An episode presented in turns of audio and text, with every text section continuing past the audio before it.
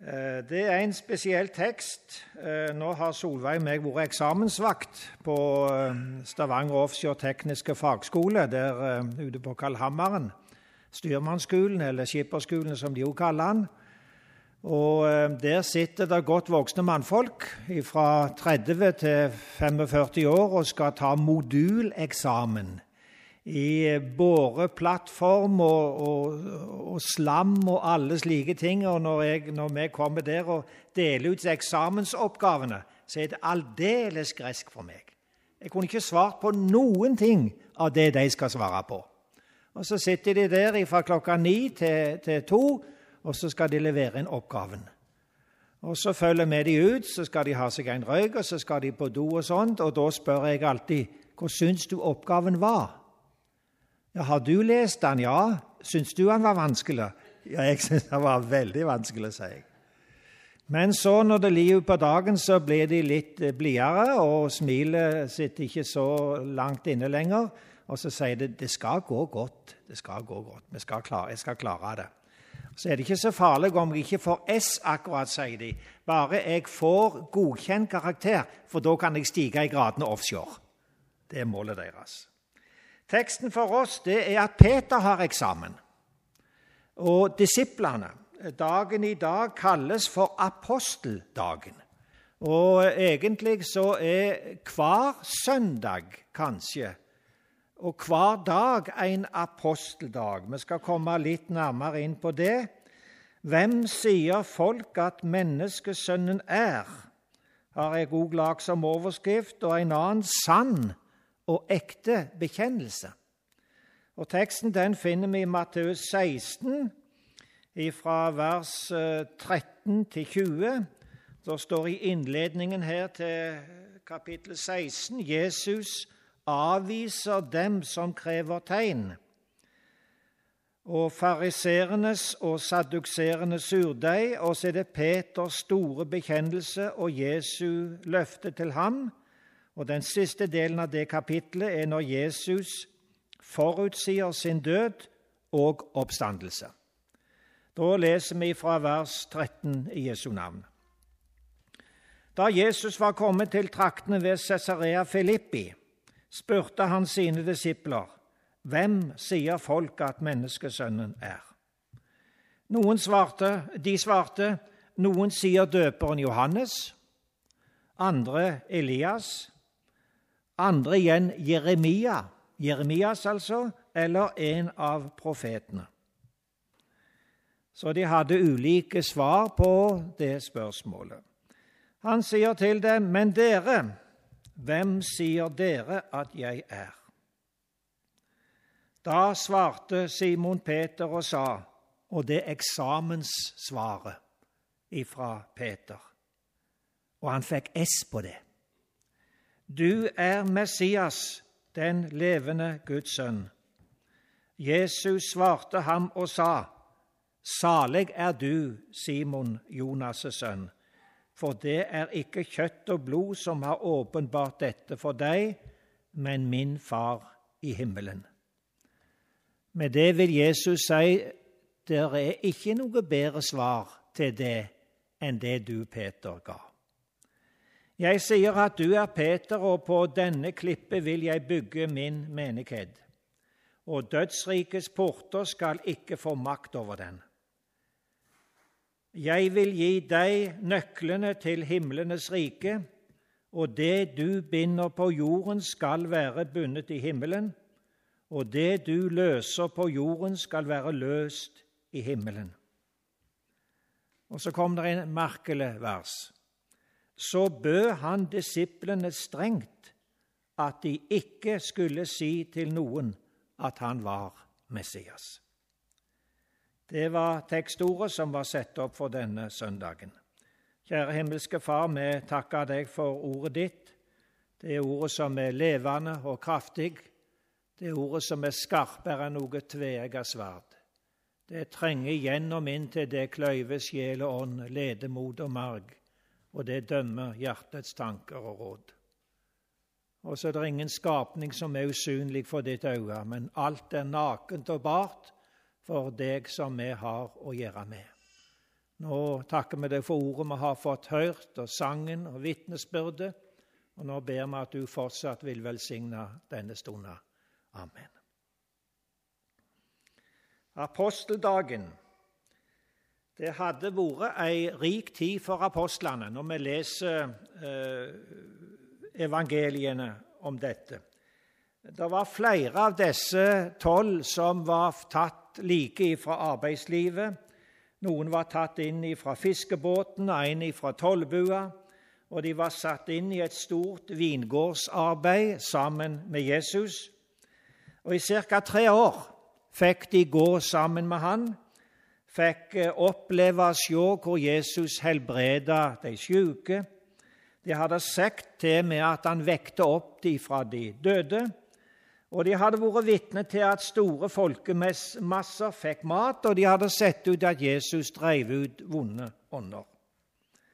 De hadde hørt med egne ører Jesus tale livets ord, og de hadde gleda seg over folkets jubel. Tenk å få være i en slik sentrum, der mesteren var så populær at han nådde de store masser. Alle kom til Jesus. Og så hadde de fått være med Jesus når han tok de avsides og holdt eksamen. Det er vel en eh, halvannet år siden fire av oss var i Cesarea Filippi, cirka, ja. Det var påsken i fjor. Og Cesarea Filippi det ligger langt nord i Israel, uh, nesten på grensen til Libanon. Der er det friskt og fint vann og det var oppi dette, eh, dette området at Jesus var med disiplene sine. Eh, aposteldagen, som søndagene søndagen er kalt, det, det viser oss at Gud kaller forskjellige personer til ulike oppgaver. Nå er vi en fin flokk i misjonssalen i Sandnes. Alle som hører Jesus til, har fått en nådegave. Men den nådegaven den er ulik. For den skal vi bruke på ulik måte, ikke til egen oppbyggelse, men til menighetens, til forsamlingens, til misjonens folks oppbyggelse. Og det er jo mange som har lurt på eh, hva nådegave har jeg? Jeg husker Kåre Eidsvåg fortalte han hadde vært på Ebenezer på Gandal og hatt bibeltime. Og Så var det samtale etterpå, og da var det ei eldre dame som reiste seg. Og Så sa hun det at uh, hun takka for det som Eidsvåg hadde sagt, og så sa hun det at uh, i kveld er jeg blitt klar over min nådegave. Ja, det var de alle spent på. Jeg vet ikke hvem den dama var, men jeg tror Eidsvåg. Uh, jeg er blitt klar over nådegava mi. Ja, så eh, var det vel en eller annen, om det var Eidsvåg, som oppfordra henne og sa kan du si litt mer om det. Vet du hva hun sa? Jeg har fått en nådegave, at jeg er misjonsvenn. Misjonsvenn. Det er mange nådegaver her da. Det er mange misjonsvenner. Eh, nådegaven til hjelpe, til styre, til lede, forkynne, profetere og alle slike ting. Han utruster oss i samsvar med de oppgaver han ser at vi kan få gjøre. Nådegaven er altså ikke gitt for at vi skal få det på en måte lettere og enklere, men det er til menighetens beste. Da er en av episteltekstene for denne søndagen fra 1. Peter 4, 10, som taler veldig klart om det. Der står det sånn Ettersom enhver har fått en nådegave, så tjen hverandre med den som gode husholdere over Guds mangfoldige nåde. Teksten som vi leste, der Jesus spør disiplene om eh, hvem han er, og så svarer de dette døperen Johannes, Elias, Jeremias eller en av profetene. Og disiplene hadde nok lytta til hva folk mente om lederen deres. Når Jesus talte, og det var mye folk samla, så var det vel ikke alltid at de tolv var like i nærheten av Jesus når han talte. De kan ha sittet i utgangen, eh, ved utkanten av forsamlingen, og så lytta de. Og så var de interessert. Hva mener folk om mesteren vår? Hva mener de om han? Og så var det det store spørsmålet Hvem syns dere? Hva mener dere at jeg er? Og Det er noe fint i denne, dette kapitlet. Det er Peter det handler mye om. Først der at han består eksamensspørsmålet på en så glimrende måte.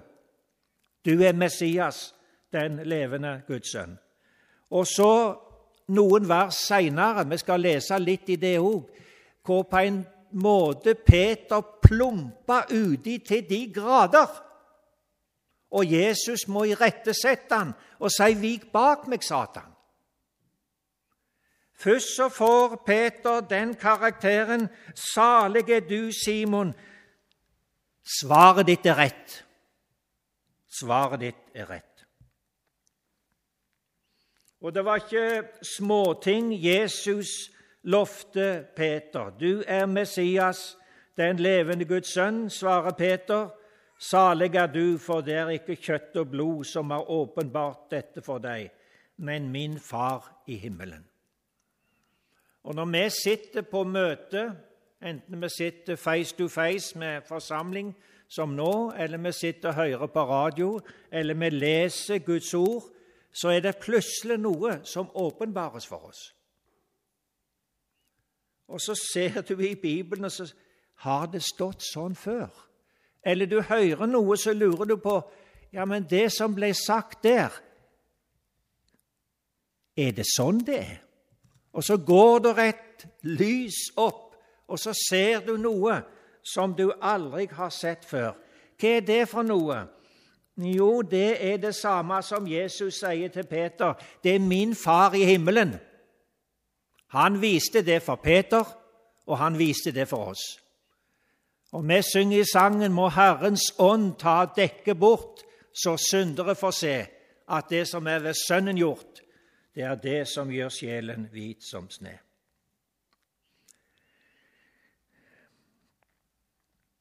Og så sier Jesus til Peter at 'jeg vil bygge min klippe, min kirke', de hellige samfunn, menighet, på deg. Og Derfor er det at eh, pavekirken og katolikkene eh, kaller pavekirken i Roma for Peterskirken. Det er ut fra dette som vi har her. Vi skal gå litt videre ifra, ifra det samme kapittelet som jeg nevnte. For det er, det er interessant å se den, eh, den hvordan Peter handler og tenker. Vi leser til vers 20 først, så bød han disiplene strengt at de ikke skulle si til noen at han var Messias. Og Så står det fra vers 21. Og nå er vi fremdeles i Cesarea Filippi. Fra den tid begynte Jesus å gjøre det klart for sine disipler at han måtte dra til Jerusalem, og at han skulle lide meget av de eldste og ypperste prestene og de skriftlærde, og at han skulle bli slått i hjel, og at han skulle oppstå på den tredje dagen. Det var åpenbaringen som de fikk, disiplene, og kanskje de var de første som fikk høre dette. Og så er det Peter igjen, han som hadde vært oppe til eksamen og fått S. Nå stiger Peter fram. Han tok Jesus til side og ga seg til å irettesette ham og sa:" Gud fri deg, Herre, dette må aldri skje deg. Men han snudde seg og sa til Peter, Vik bak meg, Satan. Du er til anstøt for meg, for du har ikke sans for det som hører Gud til, men bare for det som hører menneskene til. I en uh, nytestamentutgave som heter Biblikum, som kom ut i 1978. De har noen eh, interessante oversettelser og, og, og måter å si det på. Det som vi leser, altså eh, Du er til anstøt for meg. Der skriver de Du er en farlig snare, en felle for meg. Du ser det bare fra et menneskelig synspunkt og ikke fra Guds synspunkt. Jeg har både dansk og svensk hjemme, og i den danske står det 'For du vil ikke hva Gud vil, men hva mennesker vil'. Og i den svenske såkalte Bogjertsoversettelsen 'Det du tenker, kommer inte fra Gud, utan fra mennesker'. Og det er en veldig direkte tale som, eh, som, eh, som Jesus har. Eh, Vik bak meg, fra en god eksamen med på en måte der, der eh, Peter ble fulgt av glede over jeg klarte eksamen og gikk letta ut. Og så får han en kraftsalve ifra Jesus som er så til de grader direkte. Det er òg en direkte tale til Satan. Jesus taler til Satan der og da. For Peter hadde fått en, en kviskring i øret sitt ifra Satan. Og derfor sa han det han sa. Det er en bortvisning av Satan som talte gjennom Peter, samtidig som det er et ord til Peter om å være seg bevisst hans rette sted. Det er nemlig å være i nærheten av Jesus. Det er ikke så ofte vi snakker så mye om Satan i våre forsamlinger. Og Jeg vet ikke om vi skal si så veldig mye om han. Det er ikke mye godt å si om han. Ehm, det var en som, eh, som sa, som de fortalte om, han hadde noe godt å si om alle mennesker. Alle mennesker hadde noe godt. Når noen sa noe dårlig, så, så hadde han 'ja, men', og så kom det gode. Så var det en som sa til han, 'Du har vel noe godt å si om Satan òg, du?' Som sier så mye godt om alle mennesker. 'Ja', sa han han er ivrig i tjenesten. Ja, Og det er sant. Det er sant om Satan at han er ivrig i tjenesten. Hva går tjenesten til Satan ut på? Ja, Det vet du. Han vil føre deg i den evige fortapelse. Det er Satans hensikt. Satan driver sitt spill mot oss alle, og Satan er Jesus' sjelefiende og sjelefienden hater Jesus og hans frelsesverk. Og det utrolige er at Satan kan finne en forbundsfelle i vår natur og i den menneskelige natur. Jeg klippet ut noe som sto det må ha vært for to eller fire år siden, fra dagen. Han, Ragnar Andersen han hadde en gjennomgåelse av teksten for dette der han hadde overskrifta 'Begynt er ikke endt'. Og Der skriver han slik.: Uansett hvem vi er, kan vi komme til å opptre som evangeliets fiender. Hvis Satan får kviskra noe i øret vårt og får sendt sine sataniske piler inn i hjertet vårt, i tanken vår, så kan det hende det at vi blir som Peter og advarer mot det som er den rette lære. For hva var den rette lære? Jo, Jesus sa, 'Jeg skal gå mot Golgata, og jeg skal lie og dø'. Og Så sier Peter, 'Nei, aldri i verden. Det må du ikke, Jesus. Det må du ikke.' Var Peter et spesielt tilfelle, eller er det slik at òg noen av oss, vi alle kanskje, kan bli dømt av de samme ord fra Jesus? All kristen erfaring tilsier at sjøl den mest fromme kristne kan falle i den grøfta som Peter falt i. Han førte en høy bekjennelse. Du er Messias, den levende Guds sønn. Og på denne bekjennelse er den kristne kirka bygd. På denne bekjennelse er misjonssalen i Sandnes bygd. På denne bekjennelse er region sørvest av Misjonssambandet bygd. På denne bekjennelse NLM som hovedorganisasjon, som starta sin generalforsamling førstkommende onsdag. På denne bekjennelse er vår kristne tro.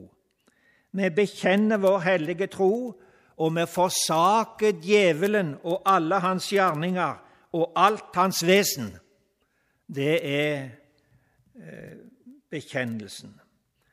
Og så kan vi lese i 1. Peter 4,10. Da er det den samme Peter når han skriver til de kristne i Lille-Asia.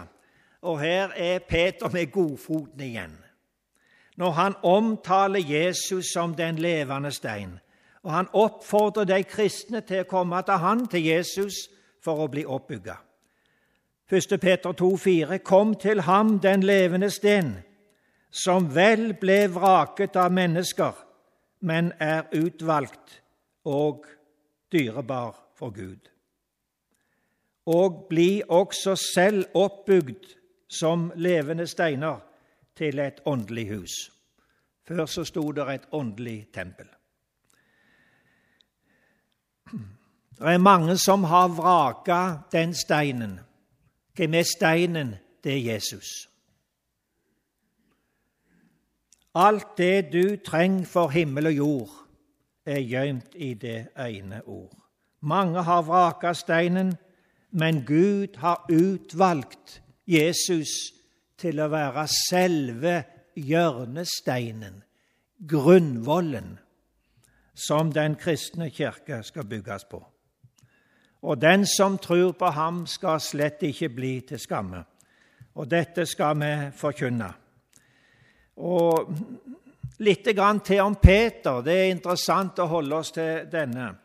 Eh, noe tid seinere, da var de i Jerusalem og skulle ete påskelammet. Og da er det Peter igjen kommer med, med bekjennelsen som er så sterk. Om så alle andre tar anstøt av deg, skal jeg aldri ta anstøt. Og så får han høre av Jesu munn i denne natt før hanen galer, skal du fornekte meg tre ganger. Og så sier Peter, om jeg så måtte dø med deg, skal jeg ikke fornekte deg. Satan er livsfarlig for oss. Satan er en grusom fiende. Han er livsfarlig. Og Av og til ser du på fjernsyn at de advarer mot farer. Du må ikke kjøre den veien, da kan det gå gale. Du må ikke gjøre det, og du må ikke gjøre det. Her er det den kraftigste advarsel som Bibelen gir. Satan er livsfarlig for deg. Hvorfor da? Han vil drepe deg og ta deg med til helvete. Det er Satans mål. Og så bruker Satan da ulike måter. Han tok bolig i forræderen Judas. Og vi har lest to plasser nå at han våg i hjertet og i tanken hos Peter. Og han vil gjerne bruke oss òg for å hindre at Guds rike går fram. Eh, av og til så skaper han seg om til lysets engel. Det står i 2. kor 11. For disse er falske apostler, svikefulle arbeidere, som skaper seg om til Kristi apostler. Og nå er det altså aposteldagen i dag. Kan det være fare for at noen i 2012 på aposteldagen skaper seg om ifra å være Satans engel til å bli Jesu sendebud og Jesu apostel? Satan er farlig når han kommer til oss som ei brølende løve. Vær edrue våg. Deres motstander, djevelen, går omkring som en brølende løve og søker noen han kan oppsluke. Men Satan er enda farligere når han kommer i engledrakt og bruker Guds eget ord. Det fikk Jesus oppleve. Når, eh, når vi var i Jeriko og kjørte med bussen opp på en høyde der, så så vi opp på Fristelsens berg. Det er tradisjon som sier at det var på det berget at uh, Satan tok Jesus med seg. Og viste han uh, den daværende verdens herlighet og sa det. Alt dette gir jeg deg hvis du vil falle ned for å tilbe meg. Og så bruke, brukte Satan ord direkte fra Salme 91. Og det viser det at Satan kan Guds ord. Der står det 'for han skal gi' Dette står først i Matteus 4, men det er henta fra Salme 91, 11 og 12. For han skal gi sine befaling om deg, og de skal bevare deg på alle dine veier, sier Satan med henvisning til Salmenes bok i Bibelen. Vi har en forkynner i eh, Agder, han er pensjonist nå, han heter Svein Brokka. Når han snakker om Satan, så sier han ikke Satan, men da sier han styggingen. Styggingen, ja. Det er mange som har hatt fine opplevelser ved å høre Svein Brokka. Hvordan forsvarte Jesus seg når Satan brukte Guds ord på Jesus? Jo, han, brukte, han forsvarte seg med å bruke Guds ord tilbake mot Satan. Og når Satan brukte Salme 91, så brukte Jesus 5. Mosebok 6, vers 16. Der står det Du skal ikke friste Herren din Gud. Herren din Gud skal du tilbe, og ham alene skal du tjene så står det ikke mer om den disputen mellom Satan og Jesus. Men det står rett og slett da forlot djevelen Jesus. Det er altså ett middel som virker mot Satans angrep, og det er til å svare med Guds ord. Guds ord er den sterke lut som må til for å, skape, for å stoppe Satan.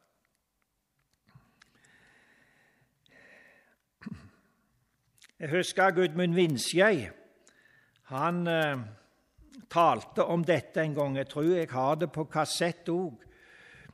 Han sa det, Vinskjei, at er det, er det sant det at Satan kan snakke sant noen gang?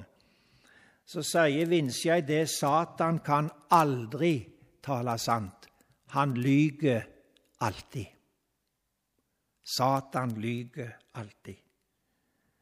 Tenk å ha med et menneske som lyger alltid.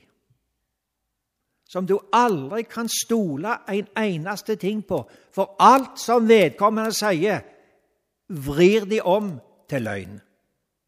Slik er vår motstander Satan, djevelen. Han er en løgner fra første til siste ord. Han er løgnens far. Det finner ikke et eneste sant ord i han. Satan kan nok si noe odds som er sant, men han fortier det vesentlige. For når Satan sier at du er ikke sånn, du, at du kan tilhøre Jesus, så stopper han med det. Og det er sant tilsynelatende, men sannheten er det at når du kommer til Jesus med det som er vondt og vanskelig og synd hos deg, så tilgir Jesus synda di. Det sier Satan ingenting om. Og så sier Satan til oss det er ikke så farlig, det og det. Det er de andre òg som gjør det. Det er mange som jobber svart i dag, eller har folk i arbeid som jobber svart. og Det er jo så, det er jo så vanlig, det. Noen de forfalsker vitnesbyrdet sitt, og, og, så sier de det at det gjør de andre òg. Og så sier Satan det er greit, det er bare fortsett med det. Men etter du har falt, så snur Satan på det, og så sier han at du som har gjort det, og du som gjør sånn, du kan ikke være en kristen. Du kan ikke være en kristen, du. Og det hjelper ikke for deg at de andre gjør seg, for du er verre enn dem. Jesus avslører Satan i Peter. Han avslører, og han avviser. Det er ingen rom for ettergivelse, heller ikke når det kom ifra Peter. Satan Nå har jeg to minutter igjen. Satan har vel i grunnen ingenting imot kristendom. Hørte du det? Vel å merke Satan godtar en kristendom uten Golgata. Og en kristendom uten Golgata er ingen kristendom. Vi hører ofte sagt at hvorfor skal de kristne bestandig snakke om om blod og, og, alt sånt. Og når vi bodde i Sandefjord, så skulle NRK gjøre et opptak av et møte, og de skulle synge sangen 'Gud være lovet, min sjel er frelst i kraft av blodet'. Da nekta NRK å tekste den sangen. For dette med blodet det kunne støte folk som satt i heimene sine og skulle høre en fin sang. Det var Fredrik Wisløffs gode sang. Satan har vært godt vant med å vinne seier. Men han er slagen, og han har tapt. Og det skal åpenbares på den store dag, på den store dag når den kristne forsamling skal toge inn i himmelens herlighet. Da er det én i lag med sin skare som blir stående utenfor, og som aldri får komme inn, det er Satan. Johan Nordahl Brun, den eh, biskopen i Bergen, han har skrevet sangen 'Jeg har vunnet, Jesus vant'. Hans seier er min seier, hans død er min død. Hans oppståa er min oppstandelse, hans himmel er min himmel, og hans herlighet er min herlighet. Jeg har vunnet, Jesus vant. Kjære Jesus, vi vil takke deg for dette, du som veien er og livet, deg vi har vårt håndslag givet, deg det er på hvem vi tror, mellom alle verdens røster, bare din er den som trøster. Led oss i ditt hyrdespor. Amen.